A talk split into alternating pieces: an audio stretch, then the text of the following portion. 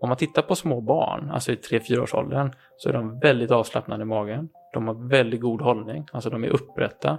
De har axlarna i lod, de kan lätt sätta sig på huk, de är rörliga och de är väldigt studsiga och fria i kroppen. Och, och jag vill ju hävda då att det är för att de går runt med en konstant anti-gravity i kroppen. Då. Ja. Eh, Så det är ju det jag vill återskapa hos eh, patienterna jag träffar då. Hjärtligt välkomna till Våga Med-podden. Podden för dig som älskar att aktivera det inre modet och utvecklas både fysiskt och mentalt. Med mig, Mikael Wigerud. Och med mig, Benjamin von Schmuck. Vilken intensiv blick du har, Mikael. Ja, jag har väl lärt mig, Benjamin, kanske att den är på, på gränsen ibland då, va? Och eh, jag hade faktiskt igår, var jag ute och träffade mina gamla SKF-kollegor. Så vi var ett gäng som gick intro, eller var traineer på SKF tillsammans. Vi hade inte setts på länge och du vet hur det är när man träffar gänget. Man vill ha update om varandra och eh, veta vad som händer i varandras liv. Men ni har hängt, hängt kvar ett tag, va? Ja, alltså vi hade faktiskt tioårsjubileum Mm. igår. Vi visste inte riktigt det, men vi kom på det när vi satt där. Och det var blandat då. Eh, ångest och glädje i detta. Det var, det var lite olika stadier i livet. men det började med att det började med hur man definierar, för då var vi, vi är nästan lika gamla alla, det skiljer ett år typ så här, va?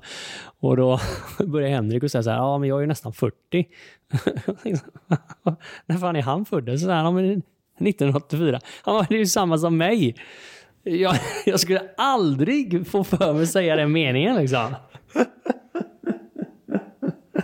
Ja, så hade vi en lång diskussion om detta. Då. Om man kände sig att man var nästan 40 eller om det kändes helt orelevant då, så var det ungefär 50-50. Så efter den här incheckningen lite grann då, så, så riktar Mirjana då fokus på mig och då säger hon så här, ja men eh, nu har hon en jättebra tjej som hon ska para ihop mig med då. Och så ska hon beskriva den här tjejen. Lite blind date då. Ja, det var det hon hade tänkt att eh, fixa då. Hon hade gjort lite förarbete på detta och så hon frågade, har du träffat henne nu då?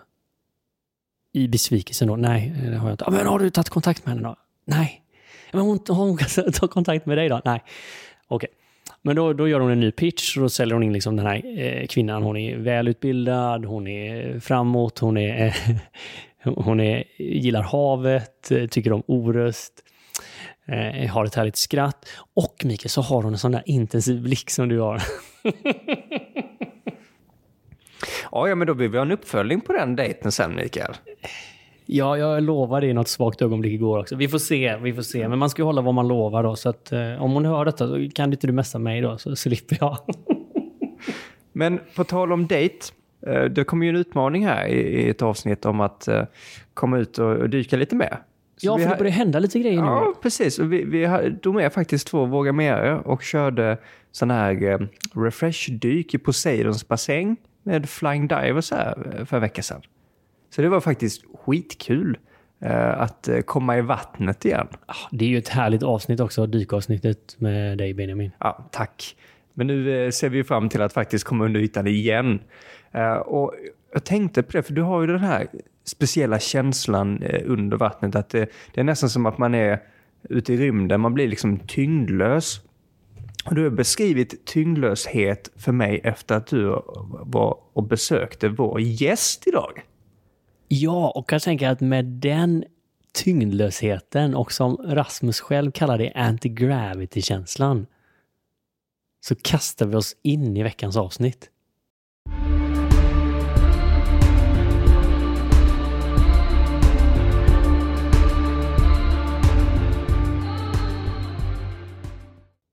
Idag så befinner vi oss här med en eh, kille som eh, Ja, jag vet inte riktigt hur jag ska säga detta, men han har en specifik förmåga att få kroppar att fungera på ett optimalt sätt. Och eh, han har utbildat sig i en massa fantastiska tekniker. Men på stan så hör man ibland också något smeknamn i stil med Jesus florera.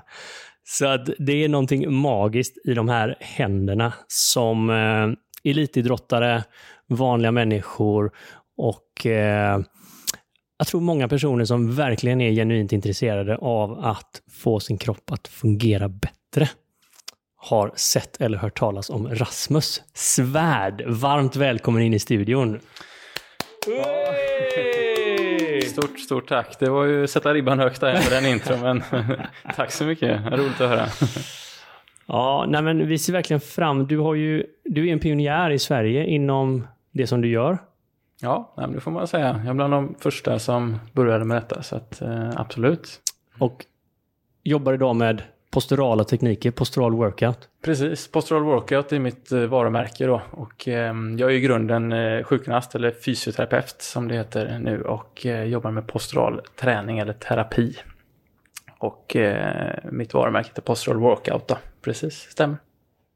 Jag är så här riktig lekman när det kommer till sånt där. Så bara postural, vad innebär det för någonting? Mm. Postural är ju ett ord som betyder hållning. Okej. Så att eh, hållningsterapi skulle man lika gärna kunna kalla det egentligen då. Är det som på 70-talet när man skulle ha en sån här bok på huvudet? ja, nej, men alltså, det är bra att du säger för att hållning kommer ju också med mycket fördomar. Eh, typ eh, man ska tänka en tråd genom huvudet, sträcka på sig eh, Eh, och väldigt mycket medvetna korrigeringar, kanske klassisk hållningsterapi om man säger då. Eh, men den här posturala terapin som jag sysslar med är på många sätt motsatsen. För mitt mål är alltid att skapa autonoma förändringar hos eh, personen personer jag har framför mig. Alltså en omedveten förändring som leder till bättre hållning. Det vill säga att Även om jag jobbar med hållning hela dagarna och man kan se jättefina före och efterbilder på hållningsfoton så jobbar jag inte med hållningstips i form av typ sträck på dig bak med axlarna, dra in magen, utan snarare tvärtom. Att jag vill att kroppen ska göra det åt dig. Så det, den yttersta målsättningen är egentligen att skapa en känsla hos individen där kroppen bär dig och inte tvärtom. Alltså det här är extremt intressant tycker jag. Och med tanke på hur mycket hållningskorrigeringar som kanske dagligen sägs. Ja, men. Så säger du, man gör inte medveten korrigering på hållning. Det är inte sträck dig, ta bak axlarna. Nej, jag kan till och med säga så att eh, så som jag tittar på kroppen eh, så är ju en, en medveten justering av kroppen är en inkorrekt hållning. För att om du medvetet justerar kroppen, typ tänker då bak med axlarna, så använder du ofta ytliga muskler. Och många kan till och med känna att det skapar spänningar i kroppen. Och vi kan nästan börja där med att om man lyssnar på detta kan man göra ett litet eh, mm, känna på-experiment i sin egna kropp. Så att om, om ni gör så att ni sätter er på kanten av en stol och sen gör ni så, för då har man fått höra kanske att magmusklerna är en hållningsmuskel och den ska man spänna och eh, ha lite kontakt med hela tiden då. Så om vi gör så att vi verkligen spänner magen och nästan drar in svansen mellan benen lite. För det är klassiskt kanske som man får höra på bålträning eller hållningsträning att man ska göra så. Så om vi gör så att vi drar in magen lite grann, spänner den och tippar bäckenet bakåt. Och då menar jag den övre delen av bäckenet ska tippas bakåt och det blir att man drar in svansen mellan benen där. Om vi håller den positionen och så nu samtidigt nu så ska vi, ha, vi måste bibehålla den positionen. Och så sträcker vi på överkroppen dra bak axlarna, kanske in med hakan lite. Och då bör man känna att det blir ganska anspänt i Ja. nacke, skuldror. Ja. Japp, Nu, nu, nu, nu, nu, nu blir jag nervös. Nu blir jag väldigt dömd här i hörnet. Här. Om vi då jämför det med att istället slappna av magen, tippa bäckenet lite framåt, alltså öka svanken lite, inte för mycket, men man ökar svanken lite. Och så slappnar man verkligen av magen, låter den puta ut. Och från det läget så försöker man bara inta en hyfsat upprätt position. Man tar inte i med axlarna utan man bara hamnar mer uppåt. Så bör man känna att det är lättare att inta så att säga vad man kallar en god hållning med mindre spänning i nacke, skuldror etc.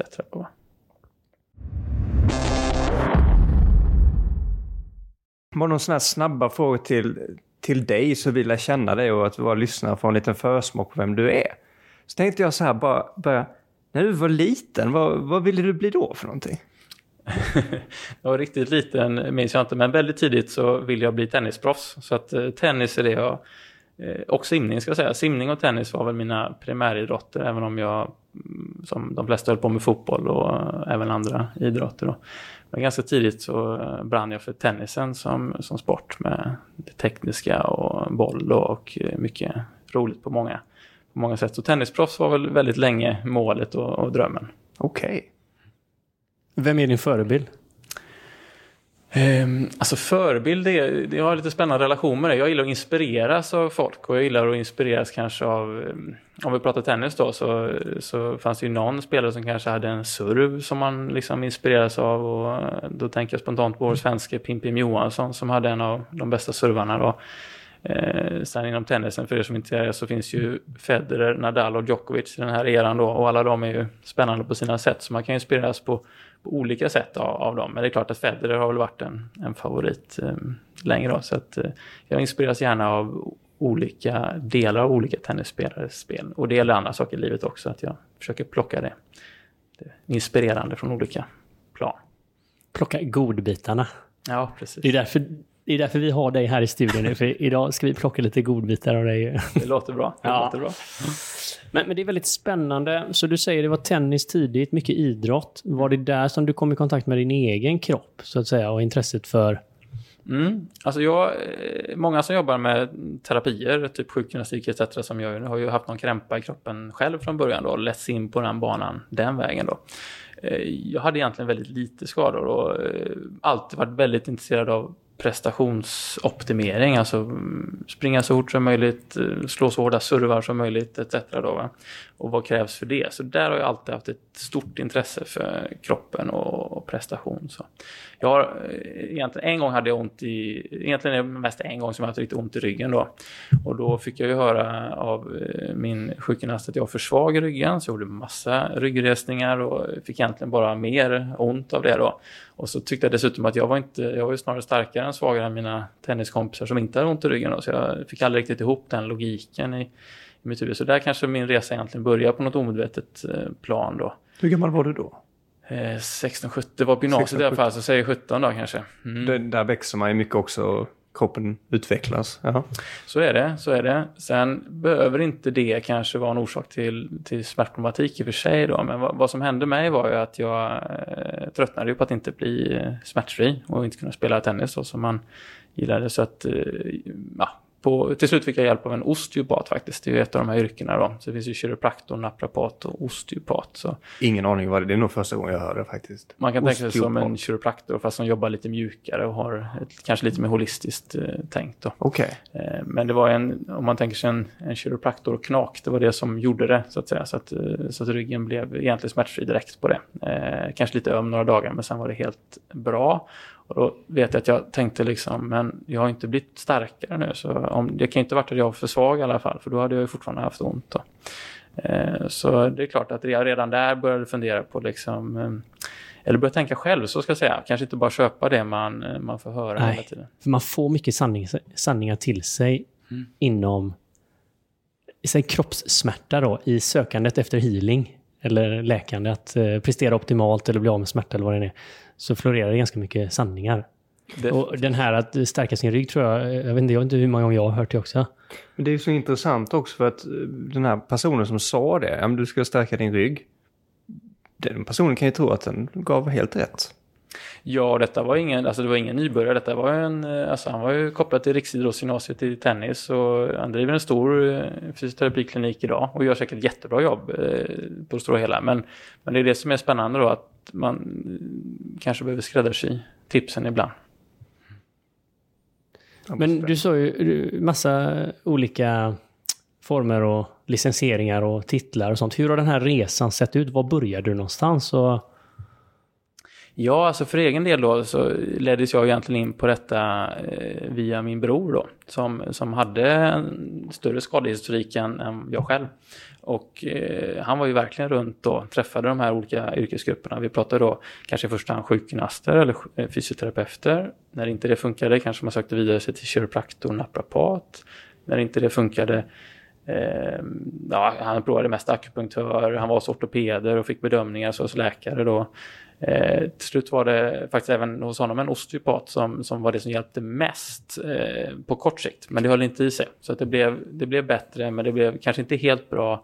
Eh, och det blev inte ihållande bra. Var, var det idrottsrelaterat då? Att han ja, han var också en tennisspelare. Okay. Han gick faktiskt också ja. på samma riksidrottsgymnasium som jag gjort. Så vi var båda på relativt hög nivå då i, eh, nationellt. Då.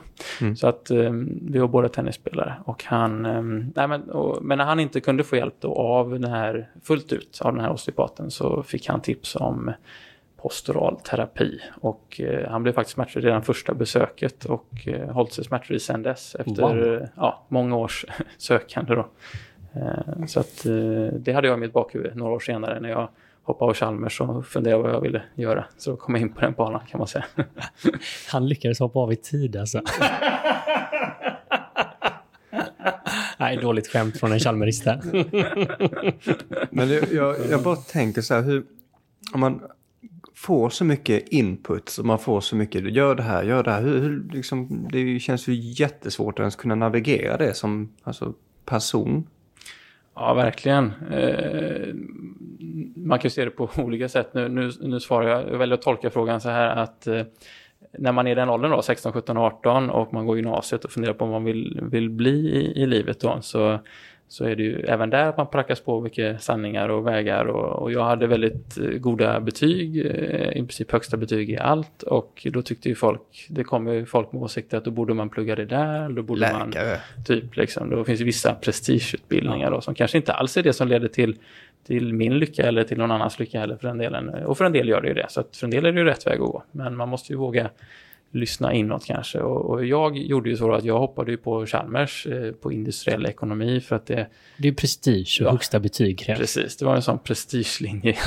eh, och, och, det var väl inte konstigt än att i den åldern liksom att titta på de här lönelistorna och tänker det där verkar ju spännande liksom. Eh, kanske inte så vad ska vi kalla det, själsligt stimulerande men, men väldigt... Det, det vet man inte då. det vet man inte då, nej. det är därför vi sitter med på det nu. ja, precis. Ja, så, att, eh, så den, den eh, började jag ju med då. Men, eh, men jag har alltid varit, jag har aldrig varit rädd för grupptryck, jag har alltid vågat säga vad jag tycker och gått min egen väg ändå. Så det var ju med att jag inte visste. Och jag ska säga att jag trivs väldigt bra på den utbildningen. Det var många härliga människor jag lärde känna om trevlig tid. Men det kanske inte var det jag ville jobba med eller kände att jag brann för då. Så att, ja, jag hoppade av. Det var Många som tyckte jag var lite tokig då också när du har kommit in på den här fina utbildningen då. Men jag är väldigt nöjd idag att jag, att jag hade modet att hoppa Men när du hoppade av, då var, var banade du väg då någonstans? Ja, då, jag har ju spelat mycket tennis då, så då, då ville jag bara komma bort från Sverige. Så jag var tennistränare i, i Grekland en sommar då, för att få sol och värme och bad och, och givetvis tennisjobbet då. Så att Ingenting var, annat? Nej. ja. Nej, men så att det, var, det var en trevlig tid på, på det sättet och i, i den vevan så, så um, funderade man ju på om man ville göra av sitt liv då. Så då hade jag ju bakhuvudet att min brorsa hade fått hjälp av den där postorala terapin som jag liksom undrade lite vad det var. Så att jag, jag ringde upp eh, den enda, då fanns det bara en i Sverige som kunde det, så jag ringde upp honom och sa hur blir jag sån som, som du är? Och det, det gick ju inte, för det fanns ju ingen sån utbildning. Han hade ju åkt till USA och lärt sig det där och så. Eh, men eh, efter mycket om och men så, så fick jag fick jag möjligheten då att, att gå som lärling och, och utbilda mig på, hos, på, han då? hos honom. Ja, precis. Okay. Ja. Och, och, då hade du ingen, när du ringer honom och frågar här, då har du aldrig pratat med honom innan? Eller? Nej, nej, jag hade inte, min brorsa hade ju träffat honom då ja. eh, några gånger. Även om han blev smärtfri direkt så åkte jag dit några gånger för att kolla att allt såg bra ut och så. Så att de eh, kände varandra lite och min pappa hade ju träffat honom och så. Nej, jag ringde upp och berättade att jag är bror till liksom och jag vill bli sån som du är, hur gör jag? Alltså det är ett underbart samtal. Och så vad som hände sen är ju ännu jag häftigare. Jag som du. Uh, som, som jag. ja, precis. Jag, jag, har berättat i någon annan podd, men jag gjorde ju jag gjorde ju så dessutom att för eh, den här eh, killen bodde i Borås och jag bodde i Göteborg. Så att, eh, men jag ringde honom då och sa att jag är ändå, för jag hade en farmor som bodde i Borås. Jag sa, jag är i Borås nu, du hinner inte ta en lunch. Och det gick ju kanske inte, men till slut så gick det ju. Då hade han tid så sa han, ja men vi kan ta lunch. Då fick jag ju sätta mig snabbt i bilen och köra till Borås. eh, Hur lång tid tar det bara så att man är... Till Borås, det tar ju 45 minuter kanske. Okej, okay, okej. Okay. Mm. Så att eh, det, det gjorde jag, så det är hyfsat nära. Men det är gå, gå lite tajt om man, mm. Eh, om man ska... Ja, vart i Borås är du någonstans då? Uh, centralstationen. ja, precis, precis. Nej, men så att jag lyckades säga något eh, trevligt på den lunchen. För jag fick jag möjligheten där. Vem är den här och vem var först till Sverige? Marcus Greus heter han. Så att han tog posturalterapin från USA till, till Sverige. Eh, och sen var jag och en som hette Linda, var första kullen kan man säga, som utbildade, utbildade oss då, eh, till det som heter postural terapeut. Så att vi är fortfarande bara ja, men, 7 till 8 personer som är postural terapeuter i Sverige. Sen finns det ett gäng posturala tränare. Det är en kortare utbildning då eh, i samma grundläggande principer och det är både Marcus håller sådana utbildningar fortfarande och jag, jag och min kollega Mattias Hallström håller också utbildningar i fysioskel kallar vi det konceptet. Då. Sådana här metoder. En kort paus. Våga Mera växer så att det knakar. Och vill du hjälpa Våga Mera att fortsätta att inspirera och skapa förändring och hjälpa oss med utvecklingen av podden? Så finns det en enkel sak du kan göra här och nu och det är att följa podden. Och det går till lite olika beroende på hur du lyssnar. Lyssnar du via Spotify så finns det en följa-knapp precis under bilden.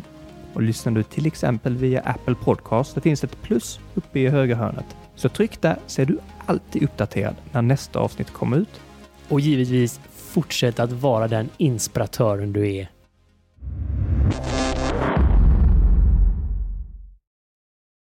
Om vi då tar några steg bakåt och kollar på eh, de här typerna av metoder och sådär. Är det fortfarande att det är i startgroparna eller börjar det få ett grepp om Sverige?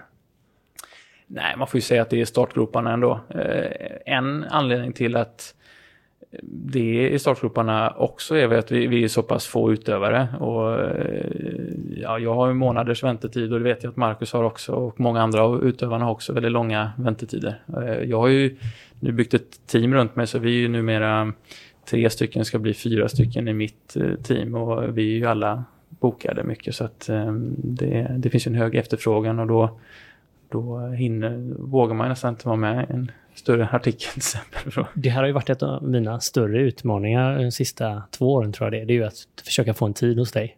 Ja. Eh, jag har ju varit lyckligt lottad faktiskt att eh, få hjälp av dig och börja jobba med min kropp på ett annat sätt så att säga. Men eh, det ingick ju den här utmaningen då att hitta en tid så att säga. Mm. jag kommer ihåg, jag kommer ihåg, för vi spelade in podd Mikael efter första gången du hade varit hos Rasmus, eller det var en, i, i början där, och så sa du, jag har ju svävat hit. Jag hade sån anti-gravity feeling, ja. Hela liksom, kroppen hade lättat från marken. ja, det är härligt att du, att du berättar det, för det, det, är ju, det är i alla fall min målsättning med varje person som kommer. Sen eh, blir det ju oftast eh, någon form av anti-gravity, men inte alltid i första mötet då, men oftast blir det ju det. Så det är en häftig sensation.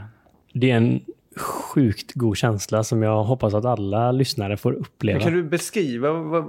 Anti-gravity? Ja. ja. men alltså antigravitation då, eh, på svenska. Tack det, för den. Det, jag börjar med översättningen Benjamin så att du är med här. Men det är ju på något sätt när Alltså gravitationen på något sätt drar kroppen och gör upplevelsen av kroppen ganska tung. Och eh, när det blir anti-gravity-känsla då är det liksom som att tyngden av kroppen mot marken, den lättar liksom. En flygande känsla. Och vi var inne på hållning innan, det är ju väldigt förknippad med hållningsjustering. Att liksom ryggraden kanske länger och nacken kommer in och jag, jag faller i en mer linjering mot kroppen. Och för mig har det varit mycket kring höften, att mina ben var lite sneda, foten var sned och jag belastade höften snett och så blev jag liksom, mina axlar blev sneda. Och när med lite små tips och lite små justeringar började räta upp detta och helt plötsligt jag kom i linje och då bara så här, åh! Vad lätt jag känner mig. Och så säger han så här, Rasmus, ah, men gå några steg in och känn hur det känns. Så jag kommer ihåg fortfarande ihåg leendet. Ja, ah, det känns bra. jag flyger fram. ja, härlig beskrivning. men det, men det, är, det är väldigt vanligt alltså att många verkligen känner så. Jag hade igår en, en patient som som liksom eh, har varit hos mig några gånger och liksom ah, varje gång jag går ifrån så känner jag mig så lätt i kroppen. Och jag lovar att jag väger mindre när jag går härifrån. jo, men man gör ju det då. Alltså på, på sättet att eh, vikt blir subjektiv. Ja. Nej, den subjektiva vikten är definitivt eh, mindre. För, för jag kommer ihåg när jag var som sämst, om man säger min rygg, då upplevde jag känslan av att jag bar 40 kilos ryggsäck hela dagarna. Ja, nej, det när nacken var som stelast. Nej, jag, och... jag, känner igen, jag känner igen det där. Jag har den här nu. Och, och slänger man av, liksom, först slänger man av 10 kilo den här ryggsäcken, så slänger man av 20 och sen så mm. liksom slänger man av hela ryggsäcken och så tar man ett eh, gummiband som drar den lite grann uppåt. Mm. Det, det är då... Eh, jag kan beskriva raka motsatsen här, Mikael. Gravity times 10. Men jag, jag har funderat på en sak, nu vi har det här. I, eh, när man jobbat en hel del hemma under covid så kunde jag sitta med, som jag har nu, en, en, en polotröja liksom. Den är ganska fri och kan röra mig ganska mycket i den. Men sen när jag börjar få på mina skjortor igen så är det så här slimfit skjorta. Den, på något sätt så håller den min kropp på ett visst sätt. Så helt plötsligt börjar jag känna att jag fick kramper som jag inte haft innan. Är det sånt här vanligt? Att man liksom på något sätt så man, man får... Man blir liksom limiterad av, av sina kläder på något vänster. Eh, jag skulle inte säga att kläderna kanske är den största boven. Och man, man, det kan ju vara så också ja. att när man har suttit länge att, att, att kroppen vänjer sig vid det och sådär då i covid-tiden. Men, men, men, absolut, alltså en tajt sittande tröja, alltså det drar ju i hudreceptorerna och det är ju en riktningsuppfattning för kroppen. Så att, alltså det är ju inte teoretiskt omöjligt att det har en... Det, har det, en det, det, kan jag känna, för jag, jag har ganska breda axlar. Jag har svårt att hitta skjortor ibland som jag känner sitter bra. Så när de sitter snyggt så är det nog inte konstigt om det drar lite hit och dit. Nej, nej, men det är klart att det har en påverkan. Så är det. Och det är många som upplever alltså, om man har nacksymptom att man, alltså, om man inte har en ryggsäck på sig så känns det ingenting. Men så fort man tar minsta lilla, eller håller en ICA-kast eller får tryck på axlarna liksom, så, så får man ont. Och det kan även vara en tröja. Alltså vissa tröjor triggar smärta. Så det finns väl någon förnimmelse där som eh, absolut har en reell okay. effekt. Mm. Men jag skulle ändå inte säga kanske att det är den största Nej, eh, nej. Det är nog inte största boven i, i vårt samhälle. Ja, men det vet jag. För hade jag googlat det så hade jag liksom hittat en miljon olika... Så, ja. Men så det här är någonting som är sprunget ur olika tekniker? Ur yoga, fysioterapi? Alltså vad ligger bakom det här posturala tekniker? Mm. Från början kommer metoden från USA.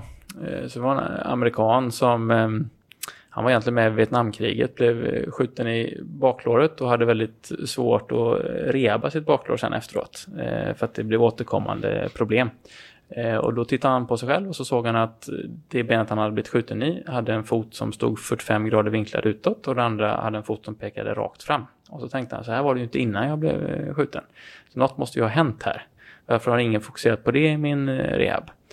Och... Så det var liksom efter han hade blivit ompysslad så att säga? Ja, precis. Att det var efter ja. Eh, liksom, försök till rehab och symptomlindring. Då. Så att han tog saken i egna händer och tog fram anatomiboken, tittade på typ yogan och uh, olika grenar liksom, och uh, hämtade övningar därifrån kan man säga och med syfte då att korrigera det han såg i spegeln. Så att där växte det ju fram det här då med att man vill få kroppen i lod, alltså få den i position och det, det är egentligen grunden i, i posturalterapin. Sen har det tillkommit många saker, vilka muskler gör vad och varför. Och det har blivit mycket mer komplext än så. Men från första början var det egentligen en ursprungstanke att hur ska vi få kroppen in i, i lod som man säger då. Alltså att fötter pekar rakt fram, axlar är jämna. Alla det här, allt det här klassiska man kanske tänker kring hållning. Men, men det är många som missar med hållning. att hållning är också hur ser fot, knä, höft ut? Det är inte bara axlarna utan hur, hur, vilken riktning är det foten? Vilken riktning är knät? Vad händer med svanken? Är man svankig? Är man inte det? Etc. Då. Men om vi kommer tillbaks till, eh, för, för det som eh, ändå är den stora skillnaden mot hur jag till exempel jobbar idag, mot eh, kanske hur man klassiskt eh, rehabar problem.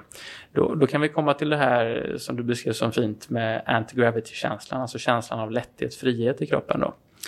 Hur kan den uppstå? Då får man liksom backa ett steg till. Och när, skelett, alltså när gravitationen verkar på skelettet, om man inte har några muskler, då kommer skelettet kollapsa i en hög. Och det är ju biomekanik och fysikens lagar att då finns det ingen som håller uppe skelettet och då kommer skelettet falla ihop. Så enda sättet för kroppen att stå upp är att muskler drar skelettet in i position och håller skelettet upprätt mot gravitationen.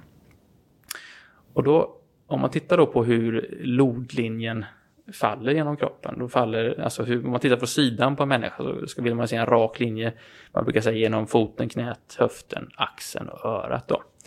Men det man inte pratar om så mycket eh, är att eh, lodlinjen faller alltså lite framför foten, eller inte hela foten, utan lite framför fotknölen och lite framför knäleden och lite bakom höften.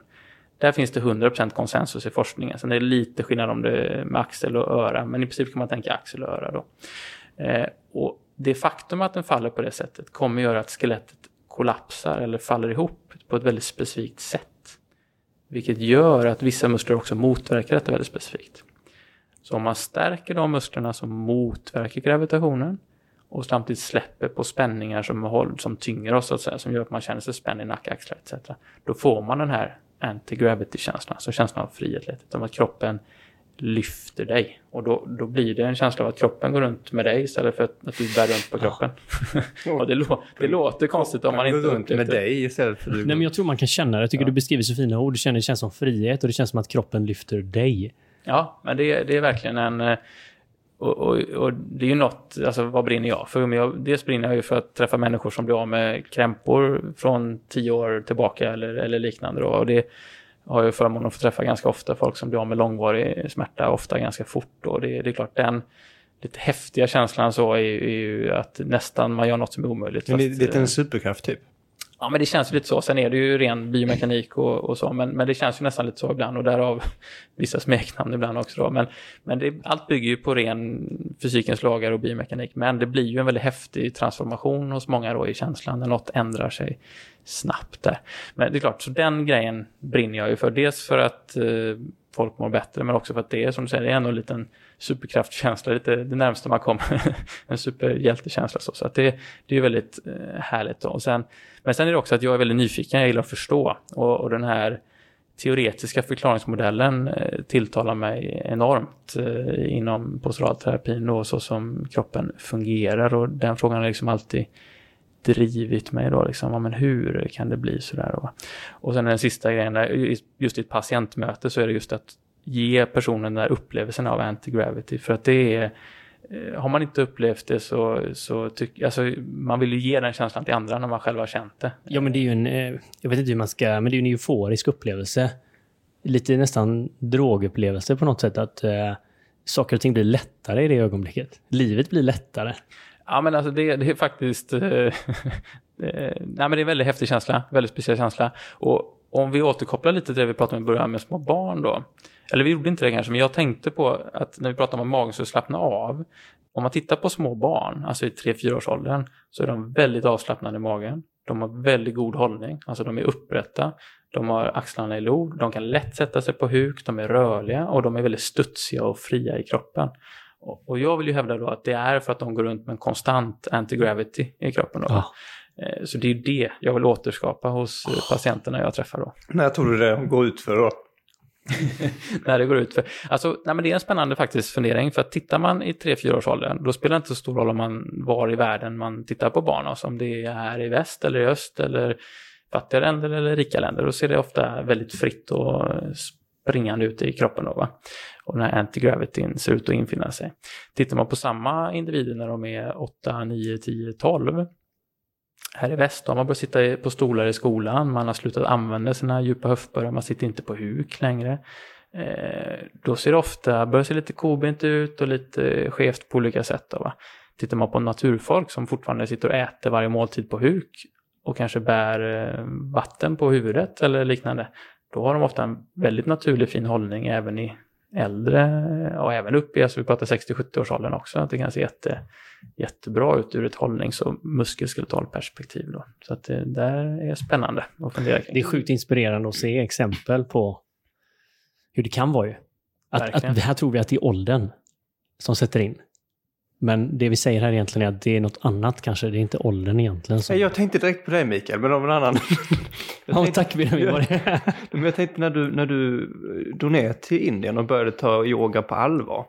Så kommer jag ihåg att du, du berättade det här med att ja, det var svårt att sitta och så här.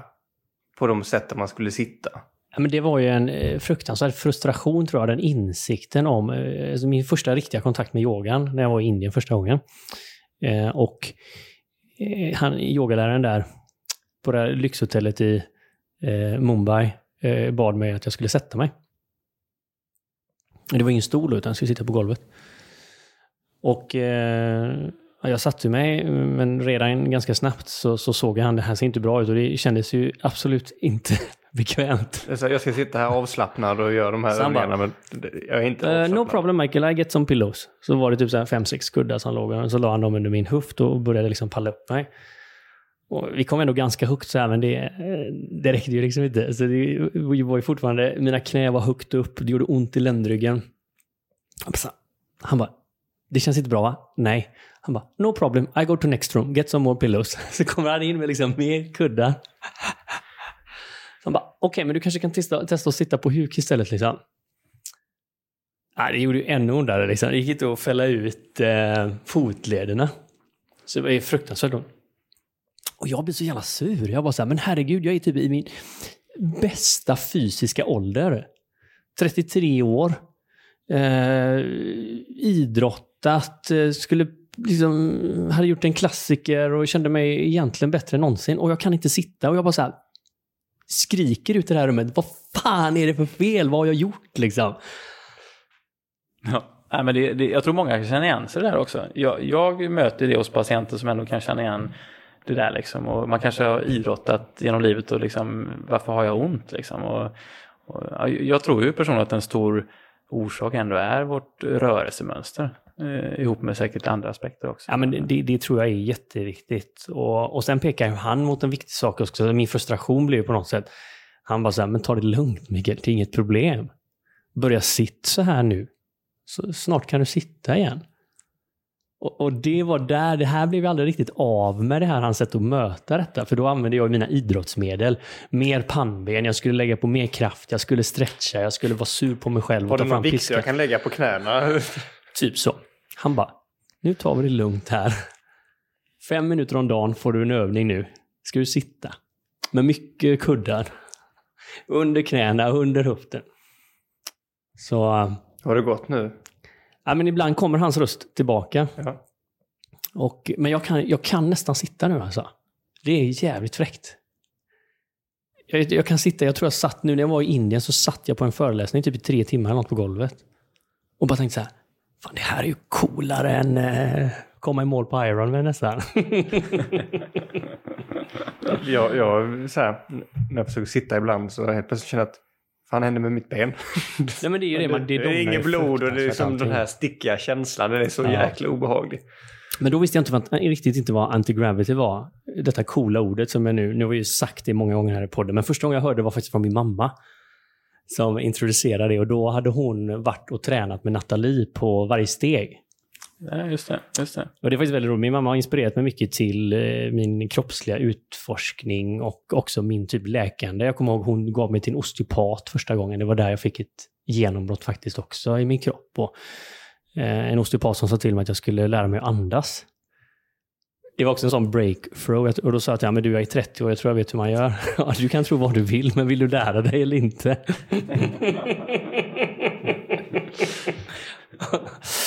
Eh, nej, så jag kommer ihåg det när mamma pratade om anti-gravity första gången. Då, då gick hon runt och då hade hon gjort posturala övningar med Nathalie för att få igång, aktivera höftböjar när man löper, när man joggar. Då.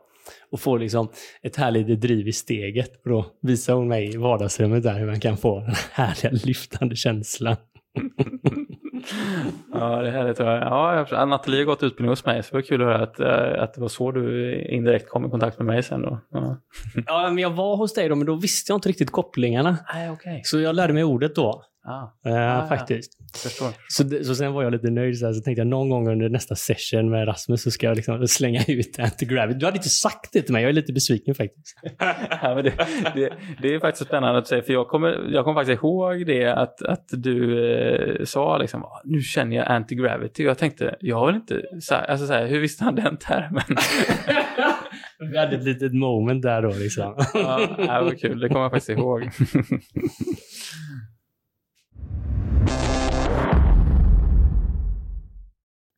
om man, om man lyssnar in på detta och känner att man, ja, men det här låter sjukt intressant. Varför ska jag gå omkring och ha de här camperna? Var någonstans kan man börja?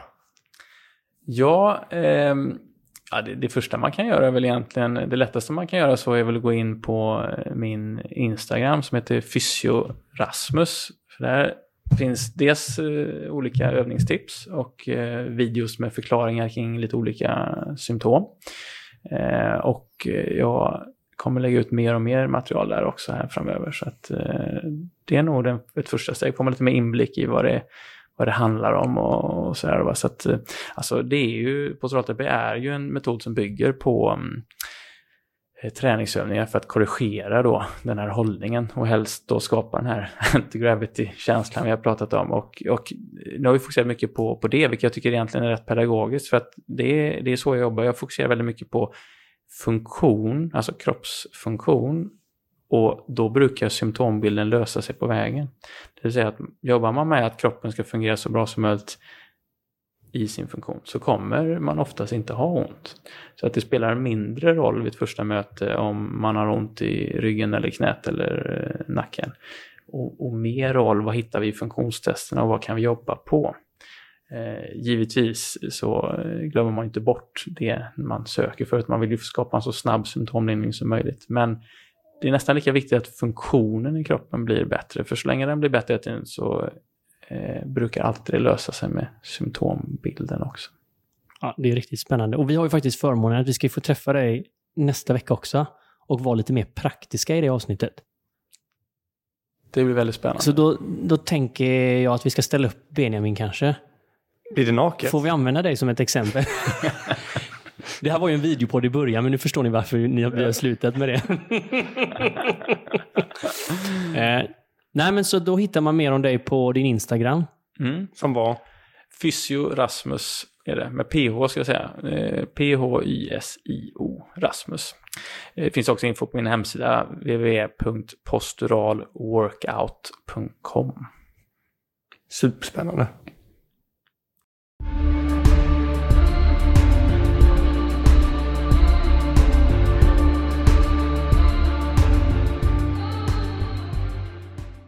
Du har precis lyssnat på Våga Mer-podden med mig, Benjamin. Och med mig, Mikael. Vill du höra mer av oss så måste ni ju såklart prenumerera på podden. Och det gör ni genom att ni klickar i den här klockikonen där poddar finns. Det brukar vara som en, en liten, liten, liten ikon. Så se till att ni hittar den så är ni med nästa avsnitt och nästa igen och nästa igen och nästa igen och ni är alltid uppdaterade. Och är det en sak som vi verkligen tycker om i Våga Mera-podden så är det ju att vi tillsammans engagerar oss. Så in på våra sociala kanaler, kommentera, dela och inspirera varandra. Ha en magisk vecka till nästa gång så syns vi snart igen.